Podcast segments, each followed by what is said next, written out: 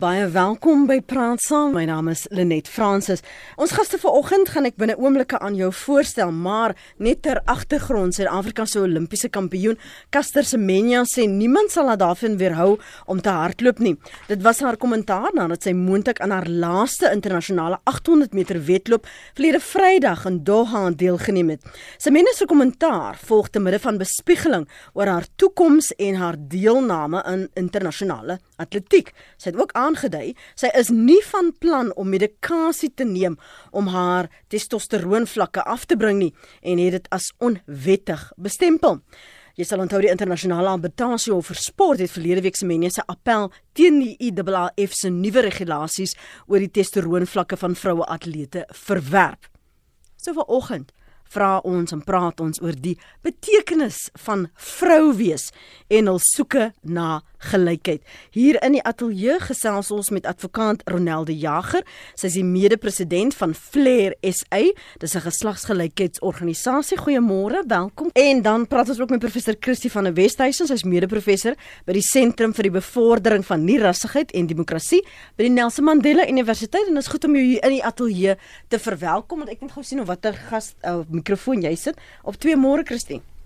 Môre lê net lekker om saam met jou en die luisteraars te wees. Dankie. Kom ons val sommer eers weg voordat ons praat oor Caster Semenya want daar is nou baie bespiegeling oor sy is nie vrou genoeg nie en ek gaan dit in aanhalingstekens plaas.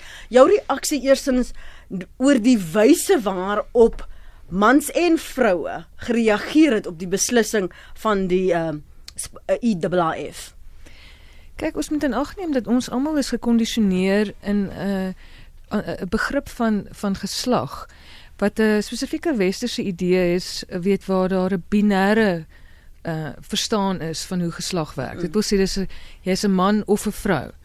Maar wat ons weet, uh ook weet vanuit 'n mediese oogpunt vanuit 'n um, navorsings en wetenskaplike oogpunt is dit daar eintlik 'n baie groot vloeibaarheid is, 'n werklik bestaande vloeibaarheid.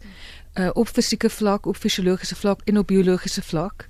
En dus dat die die idee van dat daar net hierdie twee geslagte is, of 'n man of 'n vrou, uh, is is eintlik iets wat ons opgemaak het as mense en spesifiek is dit opgemaak in die weste, dis 'n westerse, dis deel van die westerse denkraamwerk. Die westerse denkraamwerk werk baie in binêre, as mens dink ook wit en swart, uh weet straight en gay uh, ensovoorts. Jy weet, so so daai daai binêre tipe denke sien ons dan ook in verhouding tot geslag. En uh, wat wat dit eintlik op neerkom is 'n tipe van 'n ontkenning van die werklik bestaande verskeidenheid wat daar is. Jy weet so daar's 'n werklik bestaande biologiese verskeidenheid waarvan iemand soos Castermania net jy weet 'n voorbeeld is. Jy weet so op hormonale vlak, op op uh, fisiologiese vlak, op biologiese vlak is daar hierdie verskeidenheid en wat beteken dat die vir die idee om te sê uh, ons ons moet mense streng in hierdie twee kategorieë indeel maak eintlik nie sin nie. So vir, wat vir my 'n belangrike hierso is en dit is maar eintlik die enigste vraag van belang mm -hmm. is hoe identifiseer Caster Semenya? En sy identifiseer as 'n vrou. En baie vroue soos sy identifiseer as vroue. So vir IAAF want ek sien nou hulle jongste ding is oor sy kan nou 'n man mansport deelneem dit is belaglik, jy weet, sy identifiseer nie as 'n man nie, sy identifiseer as 'n vrou, soos talle ander vroue. En daarom moet sy uh, en sy en sy's 'n baie sy's 'n baie 'n fantastiese voorbeeld van van hierdie biologiese verskeidenheid wat ons het. En sy's uitmunt, sy's 'n uitmuntende presteerder hmm. op grond daarvan, jy weet. So sy het 'n genetiese voordeel wat wat vir haar in staat stel om ongelooflik goed te presteer in, in atletiek. Ek dink ons moet ons moet dit vier en ons en ons moet kyk hoe ver sy die talent van haar kan kan benut.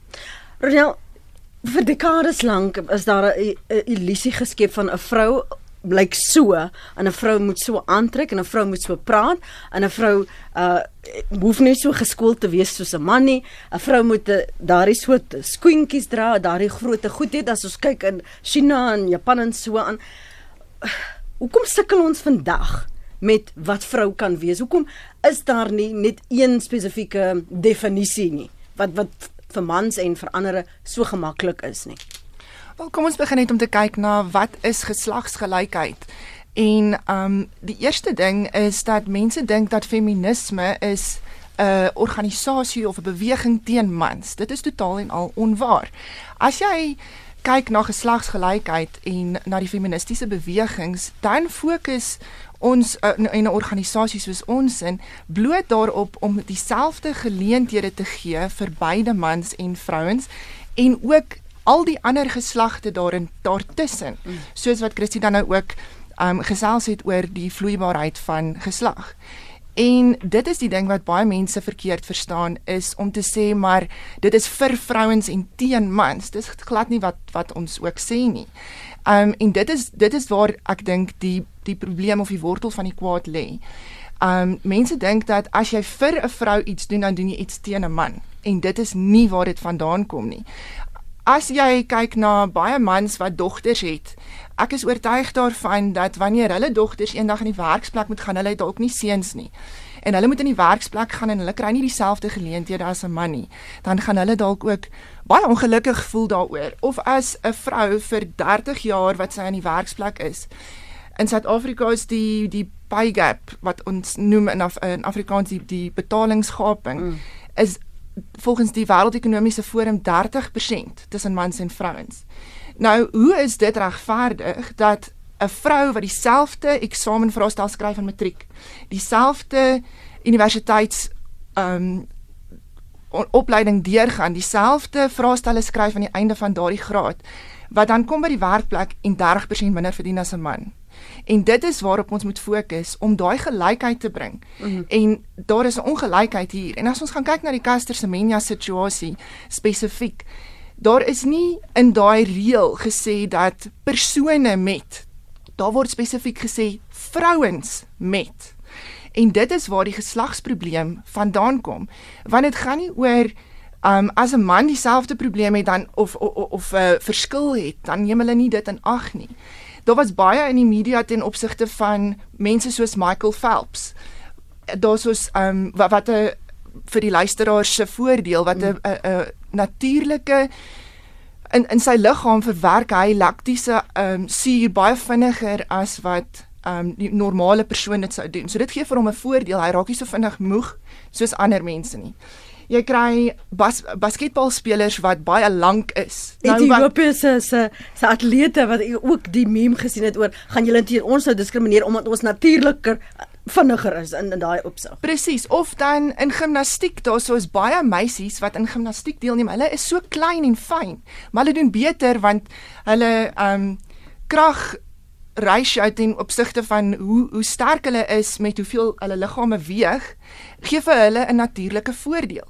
So nou as jy mm. gaan kyk na die atletiek of na die situasie met Caster Semenya, dan kan 'n mens ook nou nie sê is sal dit dan nou ehm um, uh, regverdig wees om daardie tipe van denke ook toe te pas in al die ander sporte. En as dit nie is nie, dan weet ons daar sou 'n fout.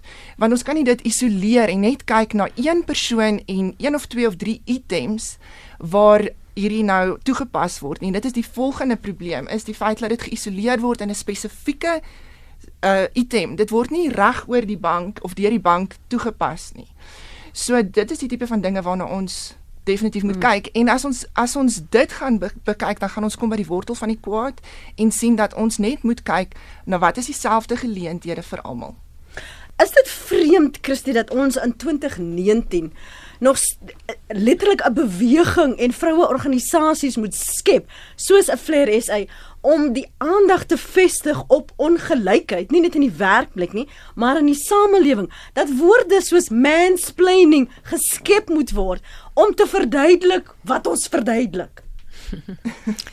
Wel, 'n groot rede hiervoor natuurlik is dat uh, uh, uiteindelik as jy as jy daaraan dink dat die uh dat uh, waarmee ons sit is 'n situasie van weet die feministiese beweging uh, wat ek stem ek stem saam met Ronald dit is 'n losse beweging wat nou al weet uh oor kontinente en oor verskillende samelewings wyd uh weet aktief is uh, op 'n wens kan sê op 'n letterlik op op 'n op 'n redelike amptelike manier vir omtrent 200 jaar.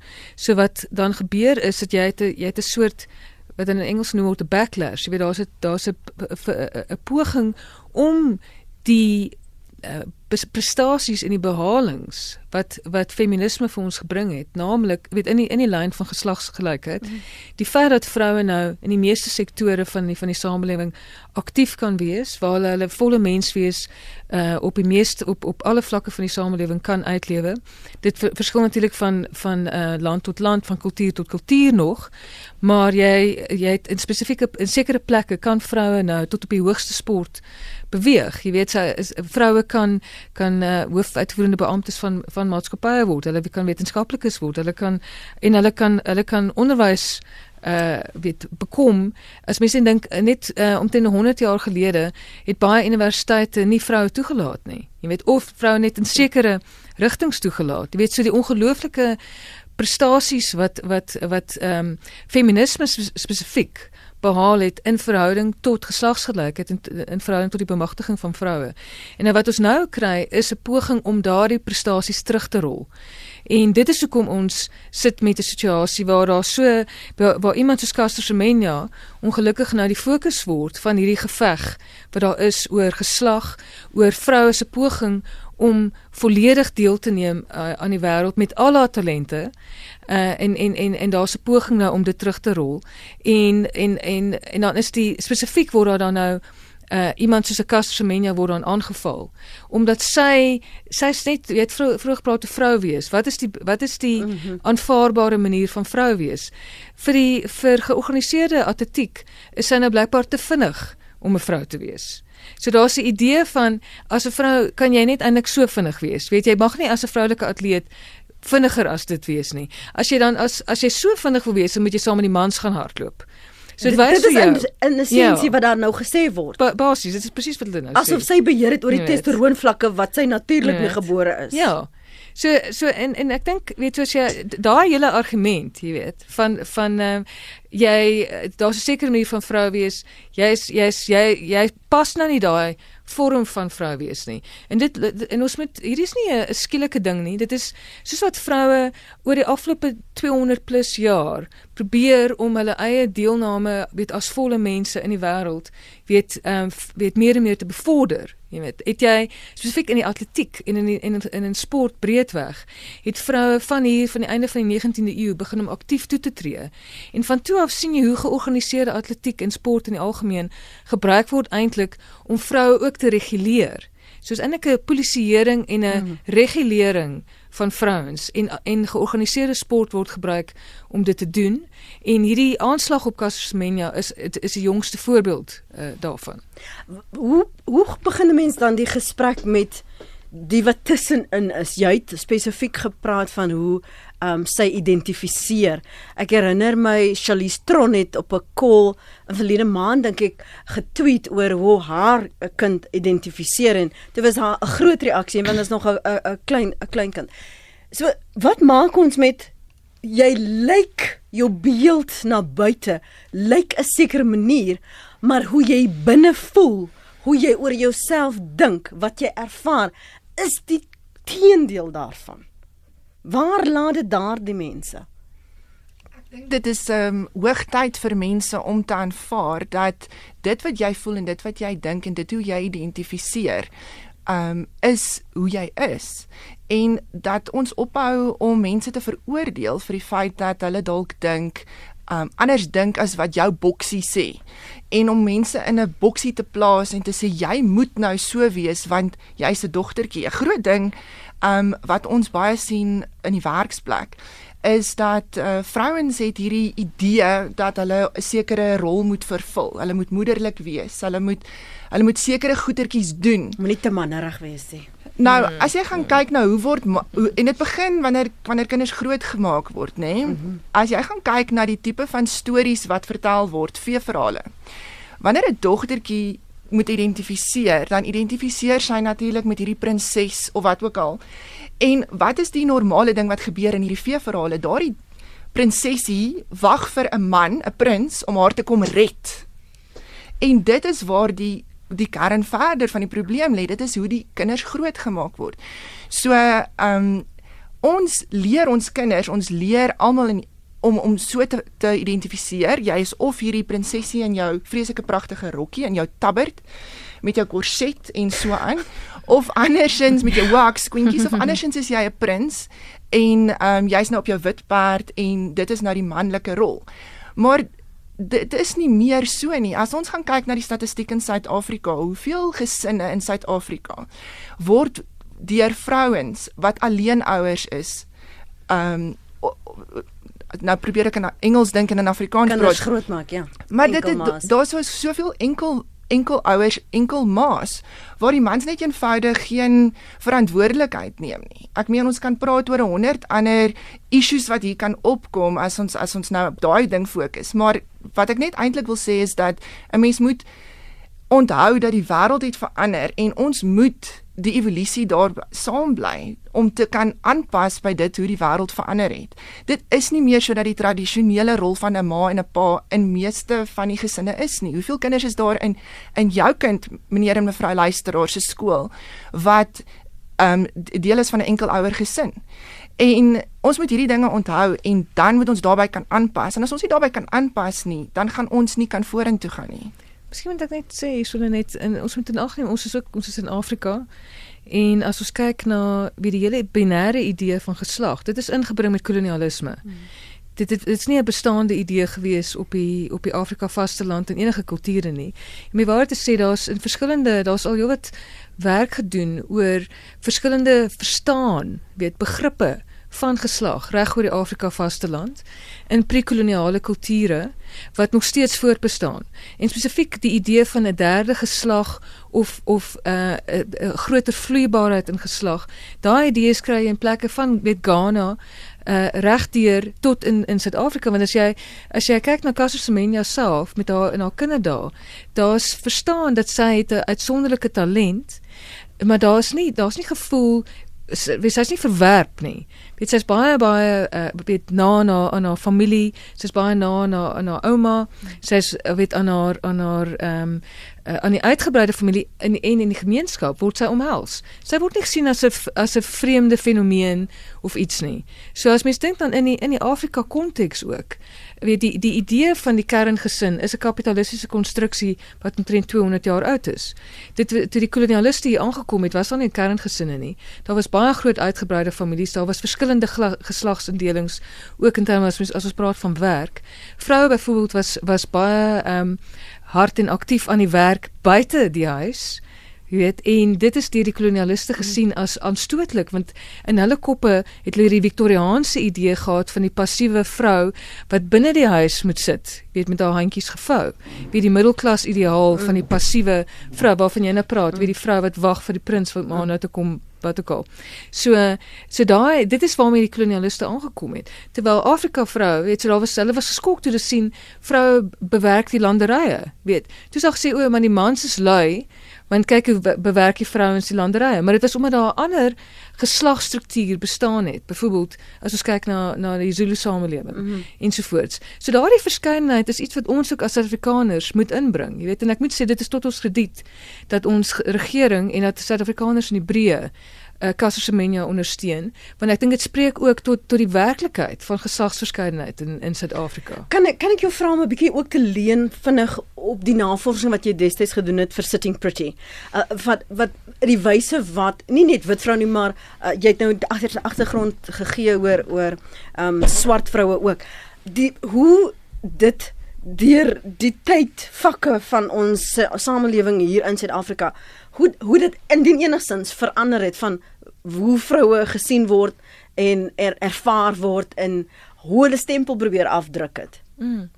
Ja, so so jy het hierdie groot verskeidenheid gehad in terme van swart vroue se belewenis, jy weet mm. in pre-koloniale samelewings reg oor die vasteland. En as ons kyk na Afrikaner vrouens, weet die die dit is baie interessant om te sien dat jou jou uh, weet settler vroue, soos hulle nou opbeweeg het in die 19de eeu, weet na die na die binneland toe, het uh, was was aktief, weet byvoorbeeld uh, rondom weet weet jy jy moes jy, jy kon nie jy kon nie sit met jou handjies binne die weet gevou binne die ossewaan nie. Jy weet jy moes jy moes betrokke raak, jy moes besig raak. Jy weet so as ons kyk na ehm um, byvoorbeeld ook van die van die veldslae waarby die settlers betrokke geraak het in hulle poging nou om natuurlik nou die die binneland te beset en so aan. Die vroue was aktief deel daarvan. Ek het onlangs 'n draai gegooi by die Voortrekker Monument uh en jy sien dit eintlik daar in die ook uitgebeeld interessant genoeg binne die monument.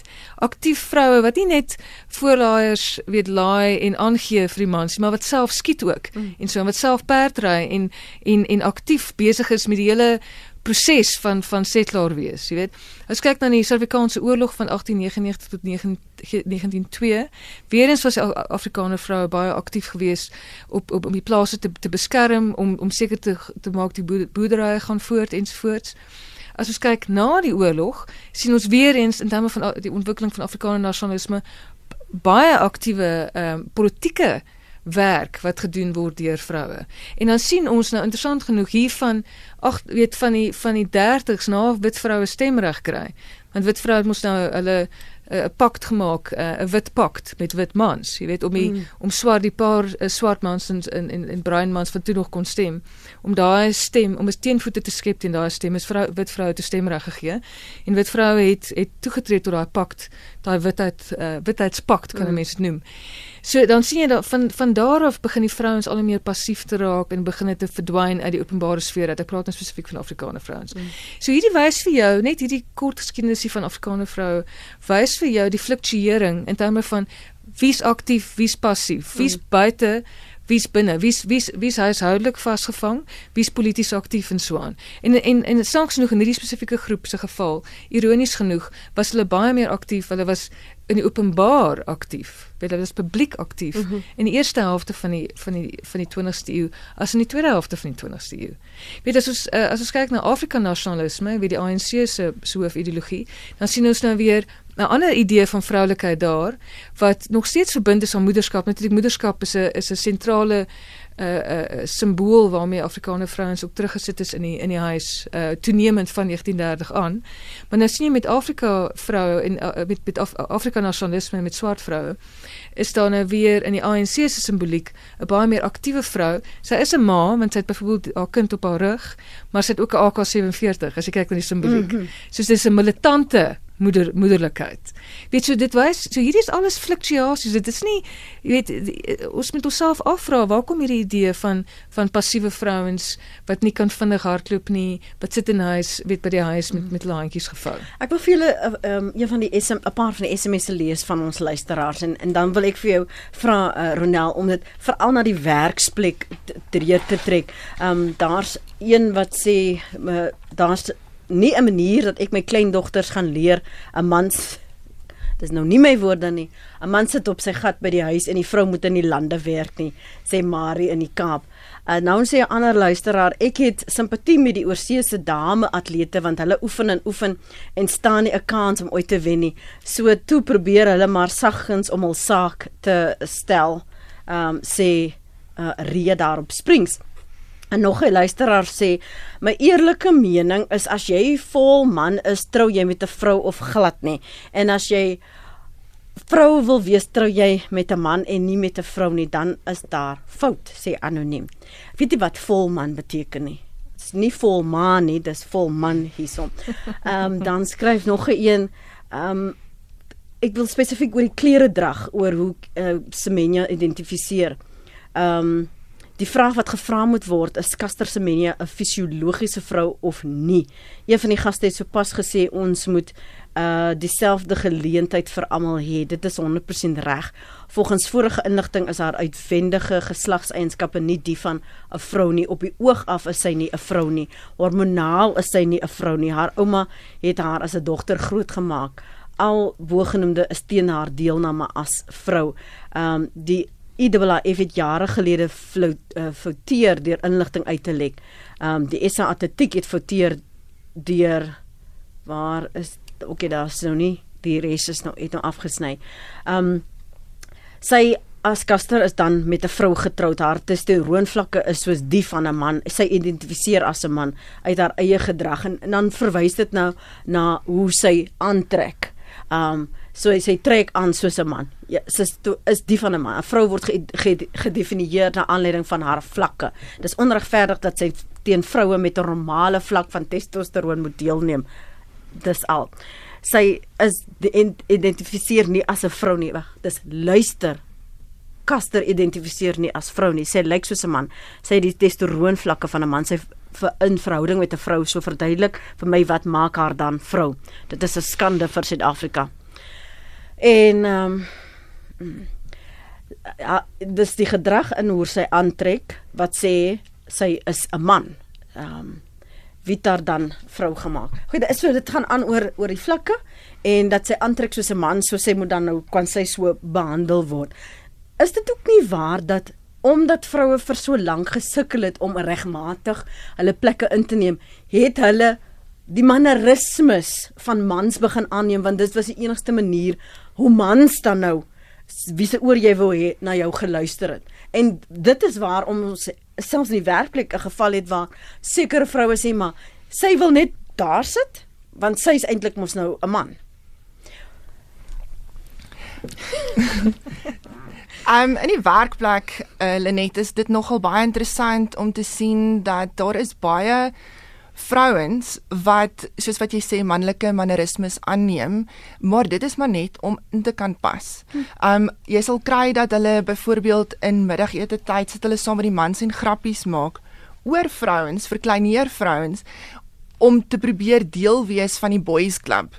En as ons dink in hierdie dag en tyd van 20 en 2019 is daar nie meer 'n boys club nie. Dit is dit bestaan nog. En alhoewel baie mense dink dit dit is onverstaanbaar hoe dit so kan wees want ons het dan nou die, die evolusie moes nou al plaasgevind het dit het nog nie. Daar is verskriklik baie mans wat wat nog steeds so dink soos wat um in, in die kolon, kolonialistiese mm -hmm. wyse van denke het. Um om terug te kom na van wat die luisteraars gesê het, die een wat gepraat het van sy wil nie haar kleindogters leer dat die manne by die huis moet sit en die dames in die land moet gaan werk nie. Nou dit is ook glad nie wat ek sê nie. Um dit is nie wat enigiemand sê nie. Dit is net dat as jy sou kies as 'n vrou om iets te doen wat 'n man tradisioneel 'n rol wat 'n man tradisioneel vervul, dan beteken dit nie dat jy verkeerd is nie. In Suid-Afrika, as ons gaan kyk na die topposisies, daar is laas jaar 'n uh, opname gedoen deur Ipsos en daar is bevind dat 2% van die topposisies van die JSE maatskappye in Suid-Afrika word vervul deur vrouens, die res is alles deur mans. So daar is definitief 'n gaping, daar is 'n probleem. Daar is nie genoeg dames of vrouens in die top posisies nie. Hmm. En wat veroorsaak dit? Dit veroor, dit word veroorsaak deur mans wat sê maar 'n vrou is nie goed genoeg om dit te kan doen nie. Nou om te gaan sê, daar's ons ook baie mense wat sê ja, maar vrouens is te emosioneel. Hulle huil nou te veel en dit is hierdie en daai. Ja, wat het nie Klamini het juis gekom met 'n entourage van mans verlede jaar op 'n kol na 'n perskonferensie ja. en ges, en dit juis gesê. Dit juis gesê dat vroue is te emosioneel, dis hoekom sy al die mans gebring het as adviseurs. So dan kry jy nou al hierdie hierdie tipe van dinge wat gebeur. En is dit werklik nog steeds so? Is die vraag wat ons mekaar moet afvat afvra. As ons nou kyk na die um na die ander kommentaar en ek gaan nou nie op elkeen individueel uh, reageer nie, maar dit meer in 'n in 'n in 'n pakkie gooi en, en almal saamvat om te sê dat daar's nou 'n klomp dinge gesê oor die fisiologie en maar op die ou end as jy as 'n vrou op 'n sekere manier wil optree, dan is dit jou reg om so te doen. Al pas dit nie in iemand anders se boksie of se raamwerk in van wat hulle dink 'n vrou moet wees nie. En ons moet oop genoeg wees om dit te kan aanvaar. Daar is ook 'n um 'n ander tipe van nie net ten opsigte van fisiologie nie, maar ook 'n ander tipe goeders hoe toe ons nog 'n paar jaar terug was dit sodat vrouens kon nie um 'n trade doen nie. Hulle kon nie artisans word, jy weet, en en 'n uh, 'n 'n vakmanskap gaan doen nie en en op 'n 'n motorwerktuigkundige wees en so nie. En nou is ons verby dit so bietjie. Maar daar's nog steeds so bietjie van 'n van 'n probleem, maar ons aanvaar dit nou so half en half. Dit, dit is dis amper al beter. So wat is die verskil tussen iemand wat 'n vrou is, wat 'n vakmanskap wil gaan doen en 'n Caster Semenya wat sê, um ek wil vinnig hardloop. Dit dit kom op dieselfde ding neer. 'n Vrou maak nie saak hoe sy wil uh, identifiseer nie. Op die ou end is dit haar keuse. Die aanname wat mens dikwels sien en, en dis hoekom ek verwys het na die haar gedrag en die die klere drag wat die luisteraars hier noem dat die aanname gemaak word dat as jy verkies om 'n 'n pak byvoorbeeld te dra wat dan nou die snit van hoe 'n man nou 'n pak sou gedra het of as jy 'n das dra want jy verkies dit dan is jy nou sommer gay. Ja, wel kyk ehm um, Caster Semenya uh, identifiseer as 'n lesbier. Ja. So uh, ek dink dat Maar ons, ek dra ook manspakke en ek dra ja, dasse en ja. ek gaan koop my klere in manswinkels. Ek dink wat ons uh, dit is interessant die die reaksies van die van die luisteraars. Ehm um, want ek sien daar's daar's 'n verwarring uh, tussen hierdie verskillende posisies. Ja. Aan die een kant is as jy met 'n as jy 'n vrou is wat met 'n vrou trou, dan sal mense jou waarskynlik dan kwalifiseer sê jy's gay of jy's 'n lesbier. Dit is seksualiteit. Ja.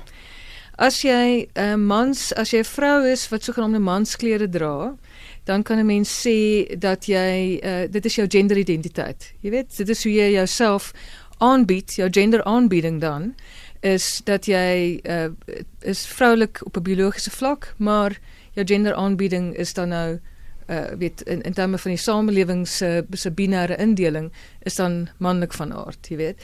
En dan uh, in terme van van um, van die biologiese situasie, jy weet uh weet ek uh, ek is nie seker hoe mense is uh, en ek wil eintlik nie te veel ek wil ook nie ek ek voel ongemaklik met hierdie soort ehm um, weet dit is seksie wat wat plaasvind van Caster Semenya as 'n mm. mens en die soort uh, verskriklike persoonlike soort opmerkings wat gemaak word oor haar.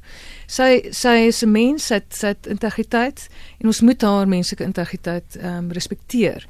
So weet ek wil nie so ek wil nie dissekteer of sy weet in terme van mm. haar biologiese ehm um, samestelling uh uh of sy nou die of daai is nie.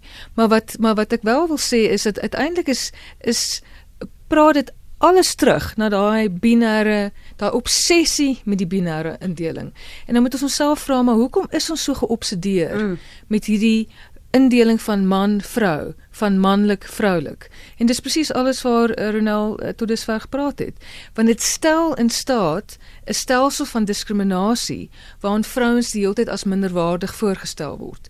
Dit is hoekom mense so geïnvesteer is in hierdie stelsel in hierdie binêre stelsel. Want hierdie in hierdie, hierdie binêre stelsel is nie man vrou op gelyke voet nie wat langs mekaar staan as vennote in die wêreld nie hierdie obsessie met hierdie binêre stelsel is om te sê die een is ondergeskik aan die ander. En ek dink dit is hoekom dit is ook hoekom Caster Semenya mense so ontsteld maak, want sy is eintlik besig om al daai goed te konfronteer deur die feit dat sy dra wat sy wil, mm. dat sy trou met wie sy wil en dat sy vinnig hardloop. En daai goed pas dan net nie vir mense in by hoe jy as 'n vrou moet wees nie en sy versteur basies daardie geslagshierargie waarmee waarmee wat wat patriargaal is en en en wat hierdie hierdie uh, wat vroue in 'n ondergeskikte posisie hou. As ons weier net kyk vir 'n oomblik want ons probeer praat ver oggend nie net oor vrou wees nie, maar vroue se soeke na gelykheid. Ek herinner my, ek dink dit was verlede jaar waarop sosiale media al hierdie stories oor vroue. Ek meen dis volwasse vroue wat kinders gebaar het uiteindelik 'n motor kon bestuur in Saudi-Arabië, as ek nie verkeerd is nie en hy 'n vlieglisensie kon kry. Want dit was ook en alleen kon oor see gaan sonder dat 'n man hulle vergesel. Dit is al hierdie tipe goeders wat nog steeds gebeur in sekere lande. Maar dan kry ons ander lande soos byvoorbeeld in IJsland waar hulle baie meer progressief is, waar hulle wetgewing van so 'n aard is dat daar so sekere uh, kwotas is vir vrouens om te ver, om vervul te word dat daar geen um betalingsgaping mag wees nie. En baie mense is verbaas as ek vir hulle sê maar op 'n Suid-Afrikaanse arbeidsvlak het ons soortgelyke wetgewing in Suid-Afrika. Dit word genoem die Employment Equity Act en dit sê dat mans en vrouens moet op 'n selfde basis hanteer word. Daar mag nie 'n persoon wees, 'n persoon So dit kan nou wees man, vrou of hoe jy ook al wil identifiseer tussenin of ander kant mag nie verskillend betaal word vir dieselfde werk nie. Um dit is die beginsel van um same pay for work of similar value. Mm -hmm.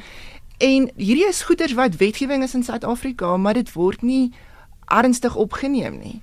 So dis nie asof ons eintlik nie progressief is in Suid-Afrika nie. Ons is in terme van ons wetgewing, ons moet net ehm uh, die mense se koppe bietjie daarom rond kry en kyk of ons bietjie daarbey kan aanpas.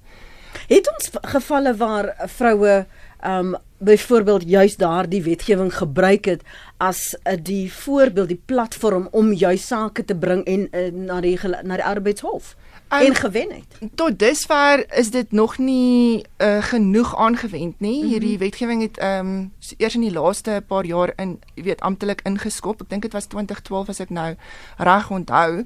En ehm um, daarso is veronderstel om deur elke maatskappy moet 'n employment equity plan inhandig elke 3 mm -hmm. jaar en die moet nou sê hoe gaan hulle nou hierdie goeders uh, regstel. En baie mense dink dit het te doen met BEE e, en dit het ook in 'n sekere situasie want hulle kyk na demografie maar ook na geslag. En daarom moet ons ook onthou dat ons moet daai goeders gebruik. En organisasies soos Flair South Africa wat dan nou 'n vakbond is wat kyk na hierdie tipe van uh, goeders in die werk. Um ons ons is definitief ons ons is nou nog in ons baba skoene. Ons het eers in Maart Vertel begin. Vertel ons 'n bietjie meer van julle. Want ek dink daar's baie vroue wat sal wil weet. Um dis ook nie net vroue nie, nee. Ja. Ons praat van geslagsgelykheid en daar's ons baie mense wat ook geslagsgelykheid um of of geslagsdiskriminasie ervaar wat nie noodwendig vrouens is nie tradisioneel ja, maar ons moet ook net onthou dat daar is baie meer as net 'n manlike en 'n vroulike geslag. En um ons het ons self geloods in Maart die 8ste Maart so dis maar so skaars 2 maande terug en ehm um, julle kan gaan kyk op ons webwerf Flair SA F L A I R S A.co.za um oor bietjie meer wat ons doen en en waarna ons spesifiek kyk. Maar um en en ook aansluit by ons. Ons het 'n uh, lidmaatskap van R100 'n maand en as jy onder 27 is, is die lidmaatskap R50 per maand. En um ons ons probeer natuurlik kyk watter mense in hierdie situasies al reeds is sodat ons daardie um sake kan aanvat en ook vir mense kan beveg. Mm -hmm. Ehm um, tot op dusver soos wat jy gevra het Lenet nog nie regtig in die in die algemene publiek nie, maar ehm um, ons hoop om binnekort sulke sake te kan aanvat. Maar sien die, die probleem is ook wanneer ehm um, jy in die minderheid is of jy's 'n minderheid stem in so 'n milieu dan gaan jy jy's te bekommerd dat ek kan nie my werk verloor nie mm. want ek is dalk 'n enkel ma so dit gaan nie nou help om kommentaar of nou vir jou slim te hou nie want die persone wat jy moet oortuig of van wie jy dit moet voorlê is waarskynlik meestal mans. Jy moet die vorms daar gaan kry en jy moet met daai ene gaan praat, met daai een konfronteer. Watter mylpale indien enigsins het ons al bereik in in hierdie ek wil dit nie 'n geveg noem nie. Ek wil dit ook nie 'n struggle noem nie. Um in die mobiliserings projek. Ja. Ja kyk uh, ek dink ons ons grondwet uiteraard is is 'n baie baie groot mylpaal en ons grondwet sê ehm um, dat mans en vroue is gelyk. Uh, as ons kyk na apartheid en en en kolonialisme, daar was weet in nie te lank gelede nie uh weet selfs wit vroue uh kon 'n wit vrou nie weet onder apartheid kon 'n wit vrou nie 'n bankrekening oopmaak sonder haar man se toestemming nie. Jy weet, daar is soort goed. Uh verkrachting binne die huwelik is eers in die vroeë 90's vir die eerste keer as 'n misdaad erken. So voor dit was was verkrachting binne die huwelik nie 'n misdaad nie. Ensovoorts ensovoorts. Jy weet so so die feit van die saak is ons uh, weet mense dink ge, ge, gewoonlik aan apartheid as in in eerste uh, geval 'n uh, gestruktureerde rassediskriminasie wat dit natuurlik was. Maar dit was ook 'n stelsel wat mense uiteindelik al die verskille sien in verhouding tot mekaar. So geslag is ook gebruik om teen om aktief teen mense te diskrimineer, om wit vroue in 'n tweede rangse posisie te plaas. Geslag is ook gebruik om swart vroue selfs in 'n swakker posisie te plaas. So swart vroue byvoorbeeld is gesien as uh, minderjariges onder die reg weet anders as swart mans. So daar was 'n regsdiskriminasie tussen swart mans en swart vroue waar waar swart vroue gesien is as perpetuele minderjariges. Wat beteken sy sy die 'n swart vrou het die status gehad van kinders. So uh, ensovoorts ensovoorts. So wat ons gedoen het met met ons grondwet was om te sê daardie interseksie van ras en geslagsdiskriminasie met ook seksualiteit, uh klas ensovoorts is is onregverdig ons probeer 'n wêreld skep, ehm um, ons probeer 'n land skep wat gegrond is op geregtigheid. en en as gevolg daarvan uh uh um het ons het ons hierdie grondwet wat ons wat ons aktief najag en wette soos die wet op gelyke indiensneming ensovoorts is is wette wat dan nou probeer om daai grondwetlike visie verder uit te bou.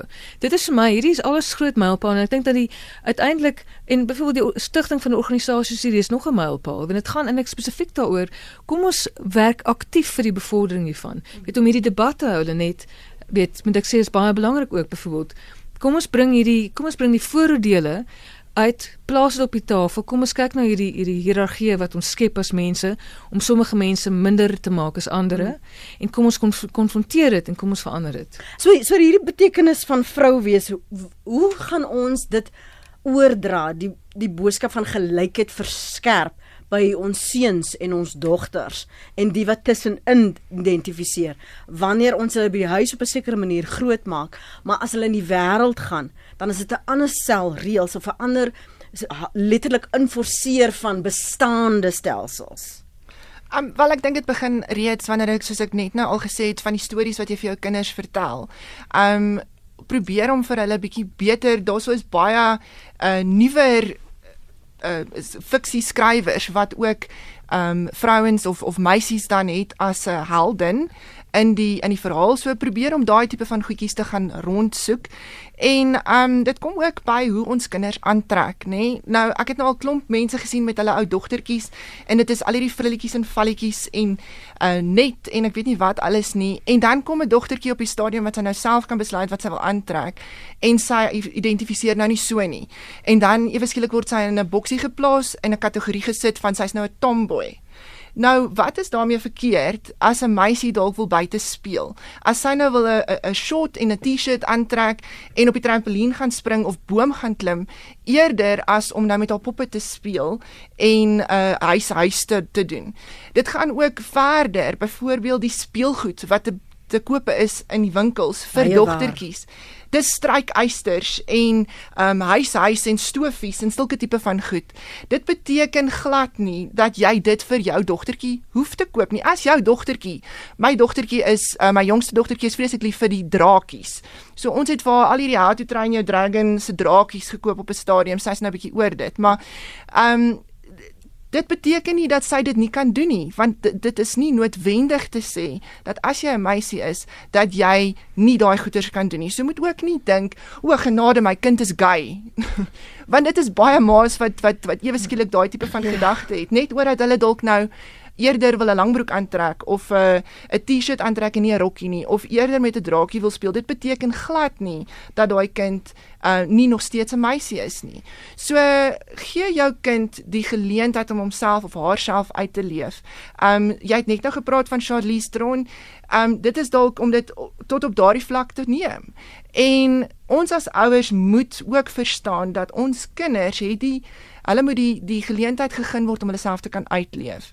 En as hulle wil 'n dokter word, um of hulle wil 'n 'n 'n sekretaresse word of hulle wil 'n vak a, vakmanskap gaan doen, wat dit ook al is wat hulle wil doen, um dit is waar ons hulle kan ondersteun of 'n ingenieur of 'n daar is nie tradisionele rolle nie. As ons gaan kyk na die hoeveelheid studente by die universiteite en ST jy sal seker vir ons beter kan sê want jy's mm, meer op 'n Christie op 'n mm. daaglikse basis daar.